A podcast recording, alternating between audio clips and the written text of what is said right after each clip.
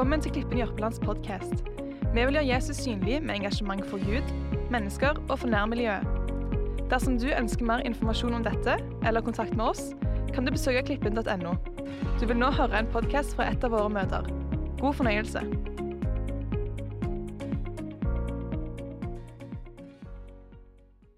Så utrolig godt å se dere alle sammen. Å få lov til å lovsynge og be sammen og tilbe sammen med dere. Det har jeg gleda meg til så lenge. Dere aner ikke. Ja, dere kan få lov til å si Woo! Dette er fantastisk. Tenk at vi får lov til å samles igjen. Det har vært altfor lenge. Og Samtidig så har det lært oss du vet, eh, du vet ikke hva du savner før du mangler det. Eller du vet ikke hva du har før du mangler det. Og i en sånn situasjon som vi er i nå, så har jeg virkelig kjent på dette savnet og dette behovet for å bare være sammen og tilbe Gud sammen. Så Jeg begynte å grine jeg på første lovsang fordi åh, vi er ett i Kristus. Endelig så er vi her og tilber Gud sammen. Godt å se dere. Skal vi begynne å be litt sammen? Kjære Jesus, Herre, jeg takker deg for at du er her midt iblant oss. Der to eller tre er samla i ditt navn, der er du midt iblant oss. Og Jeg takker deg for at du er her. Du er her med din ånd. Du er her for å vise hvem du er, for at vi skal bli kjent med deg. Jeg ber om at du skal være med det jeg skal si nå, og jeg ber om at du skal eh, være og banke på hjertene til, til de som er i salen, og de som følger med over nettet, Herre. Amen. Steini han innleda Efeserbrevet forrige gang. Og Han fokuserte på dette begrepet 'i Kristus', som er nevnt så mange ganger i dette brevet. I ham, i Kristus. Og Vi skal ta med oss dette uttrykket med 'i Kristus'. Og Så skal vi stille oss spørsmålet hva skjer når vi er i Kristus? Hvordan ser det ut å være i Kristus? Hvordan oppleves det å være i Kristus? Og ikke minst, hva konsekvenser får det å være i Kristus? Paulus han, han, han gir noen hint om hvordan det er å være i Kristus i kapittel 3. Og så tar han oss gjennom konsekvensene av det i kapittel 4. Når kapittel 3 i Feserbrevet det fortsetter egentlig litt fra kapittel 2. Og det begynner å beskrive det som før var utenkelig.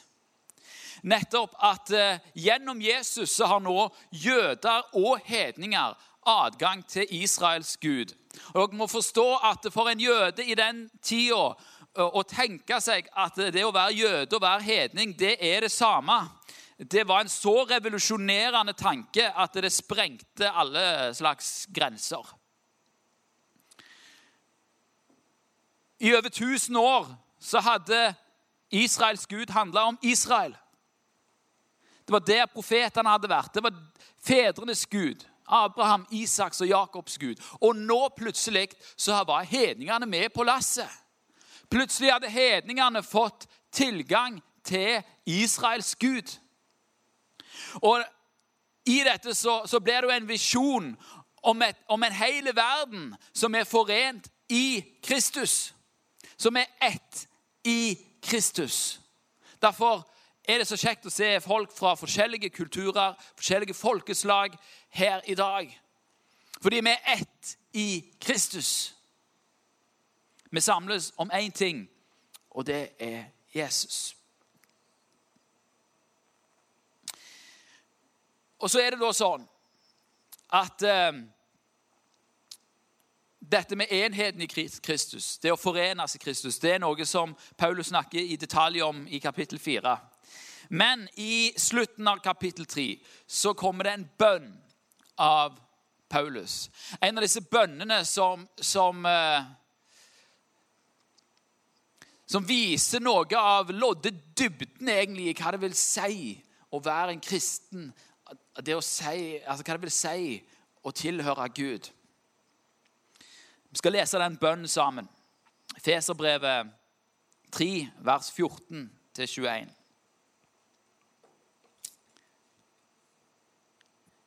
Derfor bøyer jeg da, mine knær for Faderen, Han som er den rette far for alt som kalles barn i himmelen og på jorden. Jeg ber om at Han etter sin herlighetsrikdom ved sin ånd må gi dere å styrkes med kraft i det indre mennesket. Kan noen si kraft? Er det noen som har lyst på kraft?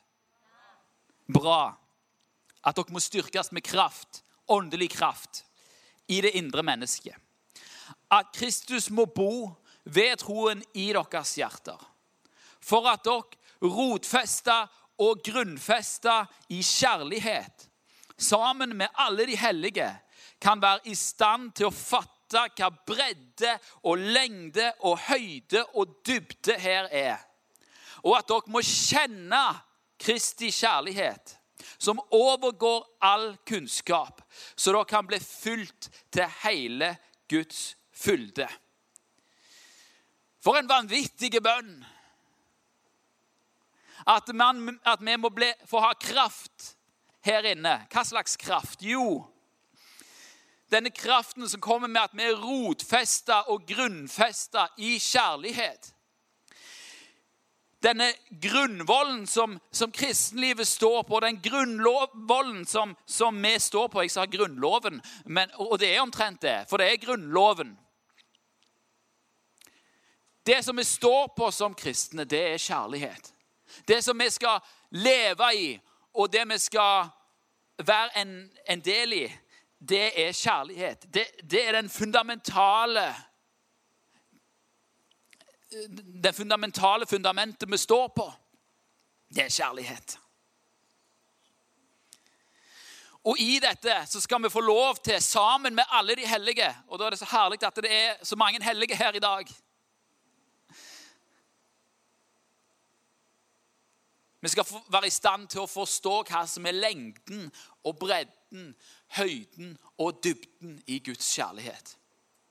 Vi skal få lov til å kjenne rekkevidden, hvor vidt ut det strekker seg, hvor langt foran oss det går, hvor høyt over oss det er, og hvor djupt den synker.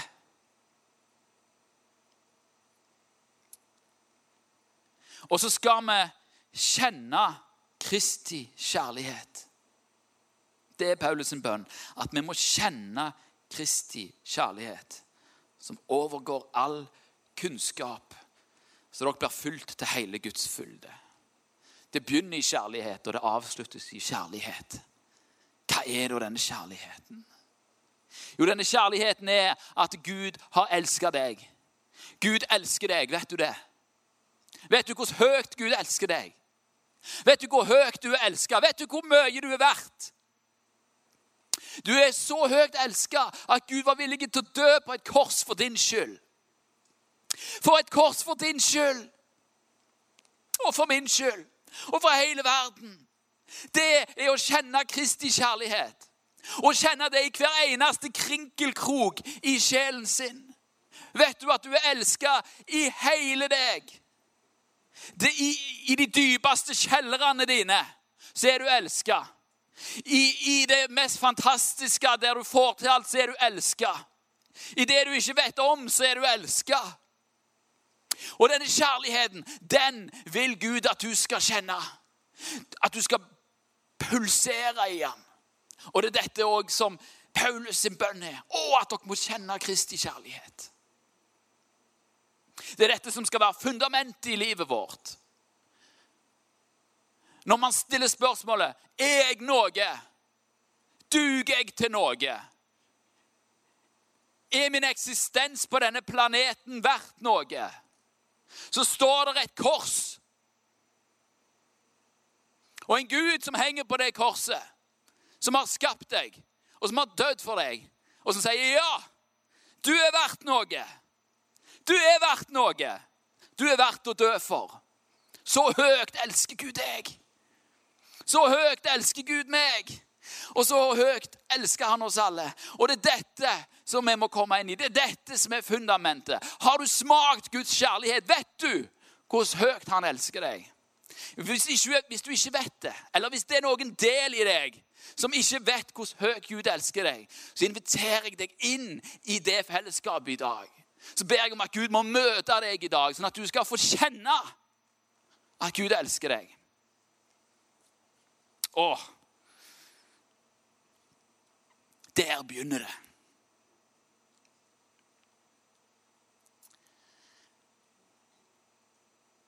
Og så kommer vi over i kapittel fire, der Paulus han fortsetter sin beskrivelse. Og han maler en visjon som handler om legemet, eller kroppen. Og han sier noe om, om, eh, om, om eh, hvordan kirka er en kropp. Men har jo utgangspunkt i denne bønnen. Vi leser fra kapittel 4, vers 1 og 2 først. Jeg formaner dere altså, jeg som er en fange for Herrens skyld, at dere vandrer sånn det er verdig for det kall dere er kalt med. Med all ydmykhet og mildhet, med langmodighet, altså tålmodighet over tid, så dere bærer over med hverandre i kjærlighet.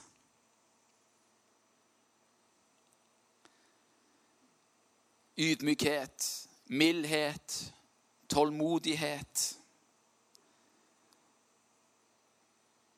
Jeg vet ikke om du kjenner Gud. Men sånn som jeg har kjent Gud, så er Gud Han er både ydmyk, han er veldig mild, og han bærer over med meg i mange ting. Hvorfor skal vi ha disse kvalitetene? Det forklares videre i vers 3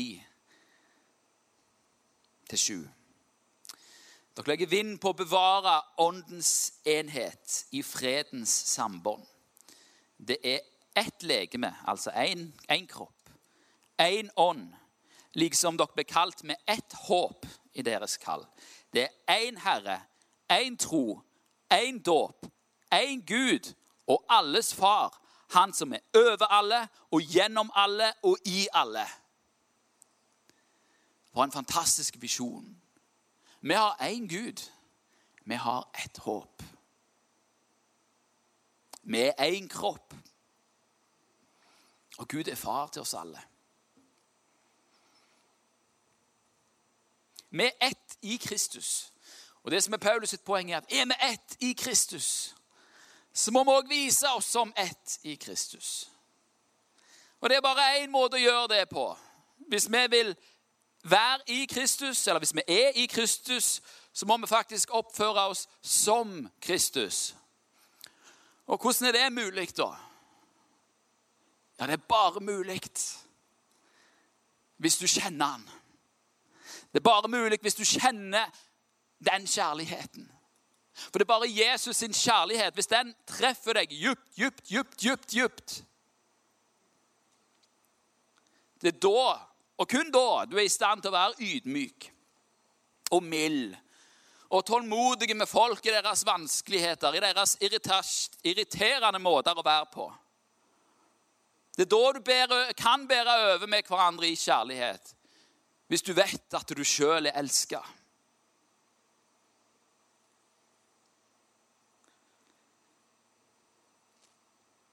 Paulus fortsetter sin beskrivelse av kroppen sier noe om hvordan tjenestegavene er til for å istandsette menigheten til tjeneste oppbyggelse. Jeg skal ikke gå veldig mye inn i det i dag. Men det jeg vil fokusere litt på, det er fra vers 13 til 16. da.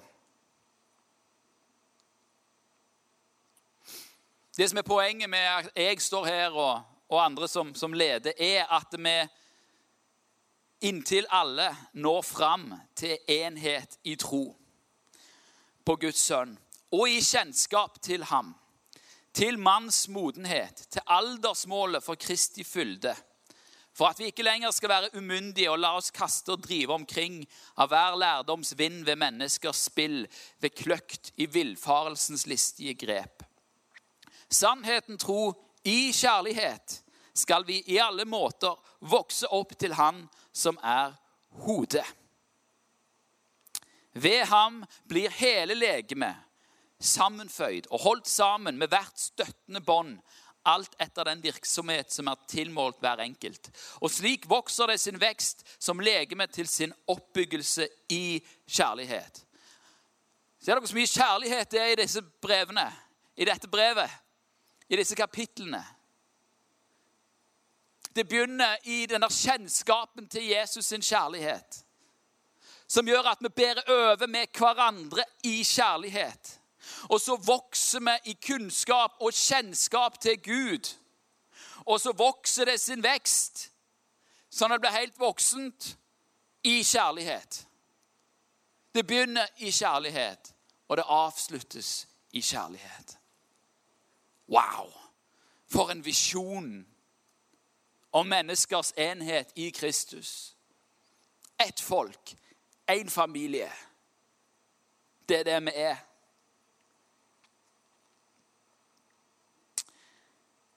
Så fortsetter Paulus i Efeserbrevet 22, eller 4.22. Så viser han et nytt bilde. Når det gjelder deres tidligere ferd, så må dere nå avlegge det gamle mennesket, som er fordervet ved de forførende lyster, men bli fornyet i, ånd, i deres ånd og sinn.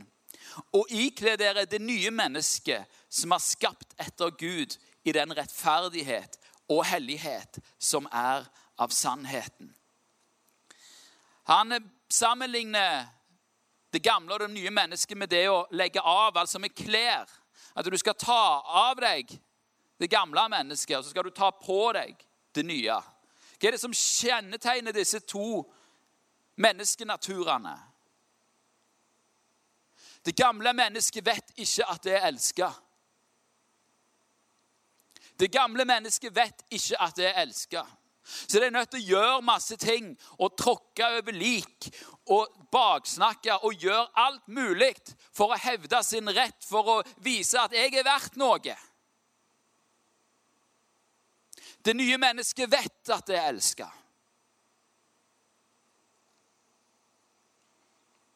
For det er skapt etter Gud i den rettferdighet og hellighet som er av sannheten. Og sannheten er jo at du er elska. Det er det som er sant. Det er den mest fundamentale sannheten i universet, at du er elska av Gud. Og hvis du ikke tror det, hvis du ikke vet det, at du er elska av Gud, at du er verdt noe, hva blir det da? Jo, det kan vi lese om litt videre i. Fra vers 25 til 32. Legg derfor av løgnen og tal sannhet, vær med sin neste. For vi er jo hverandres lemmer. Bli vrede, men synd ikke. La ikke solen gå ned over deres vrede. Og gi ikke djevelen rom.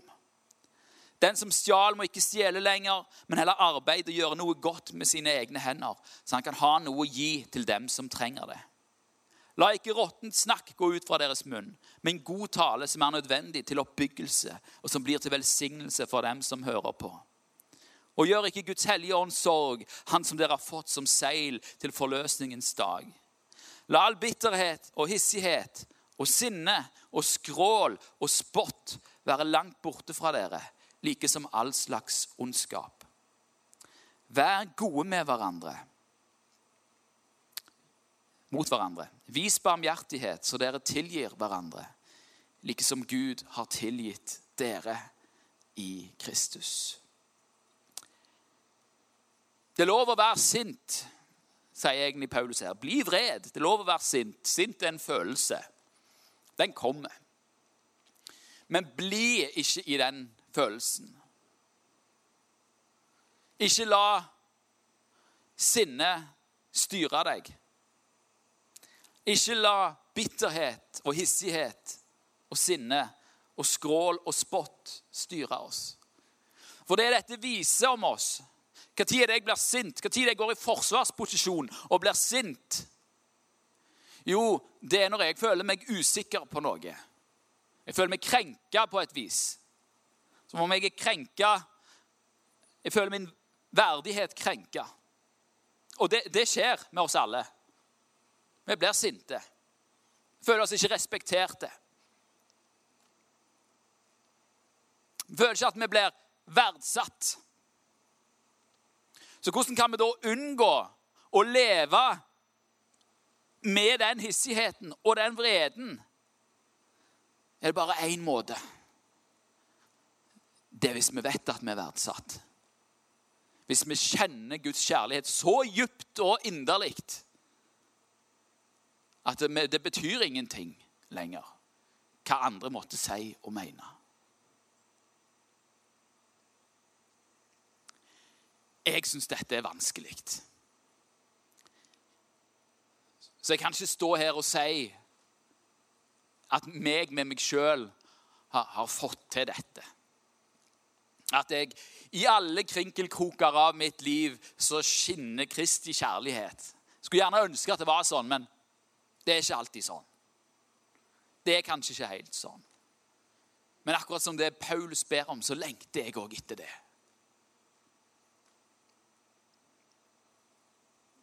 Det er utfordrende å være sammen. Det er En grunn til at Paulus snakker om at vi skal elske hverandre og tilgi hverandre. Hvorfor sier han at vi skal tilgi hverandre? Jo, Han sier vi skal tilgi hverandre fordi Paulus vet at vi kommer til å såre hverandre. Sånn er det å være menneske. Sånn er det å være familie. Du kommer til å bli såra fordi du omgås mennesker.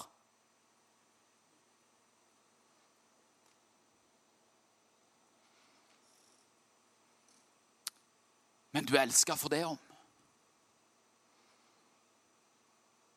Du som har blitt såra, du er elska av Gud. Og den som sårer deg, er òg elska av Gud. Og du som vet at du har såra andre, du er òg elska av Gud.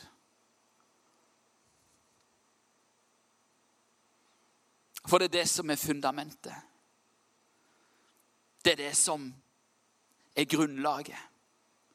Vet du at du er elska av Gud?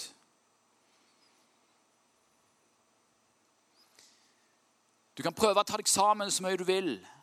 Å, jeg må skjerpe meg, jeg må ikke være så sint. Jeg må ikke. Vet du at du er elska? Vet du at du er elska?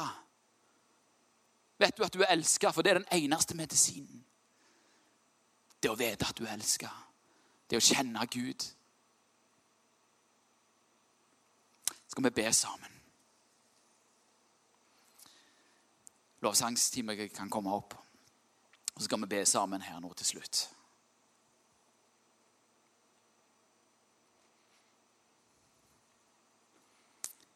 Kjære Jesus, jeg takker deg, Herre, for at eh, du har elska oss.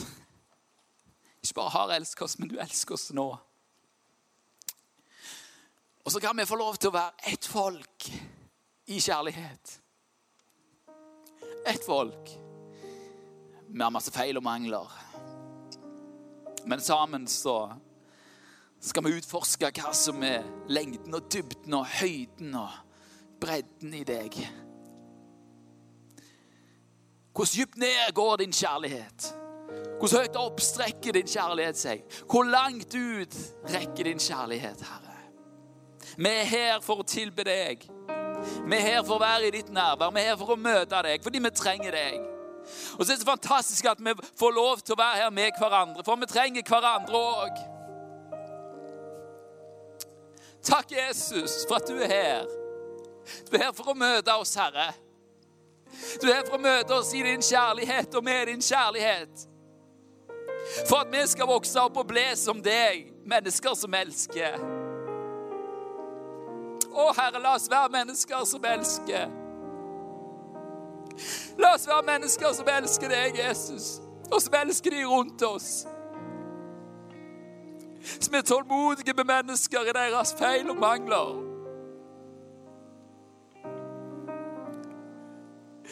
Som klarer å tilgi sånn som du har tilgitt oss.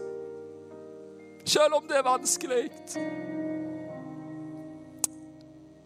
Herre, kom med din ånd, Jesus. Fyll oss på ny med din kraft, vi styrkes med kraft i det indre mennesket. Kraft til å leve dette livet Ut fra din kjærlighet, Jesus. I din kjærlighet, Jesus. Kom, Herre, og vær oss nær. Kom, Herre, og vær oss nær. Kom, Herre, og vær oss nær. Takk, Jesus. Å, Den hellige ånd, gjør ditt verk. Blant de som ser på der ute, og de som er her i denne salen, kom og gjør ditt verk. Kom og gjør ditt verk, Herre. Du er elska av Jesus. Du er elska av Gud. Han har dødd for deg. Han har dødd for deg. Ta av deg det gamle mennesket og kjenn at du er verdt noe. Kjenn at du er elska. Å, Jesus, Herre. Amen. Å, Jesus. Vi skal synge noen sanger nå. Og så skal vi Etter velsignelsen så er det forbønnsmulighet. Og kanskje vi bare skal være her etter at streamingen er over, og, rett og slett bare synge sammen. Takk, Jesus, for ditt nærvær. Takk at du er her for å gjøre ditt verk i kjærlighet. Amen. Håper dette budskapet har vært til inspirasjon og veiledning. Flere podkaster finnes på klippen.no og iTunes. Du er hjertelig velkommen til en av våre gudstjenester. Snakkes der.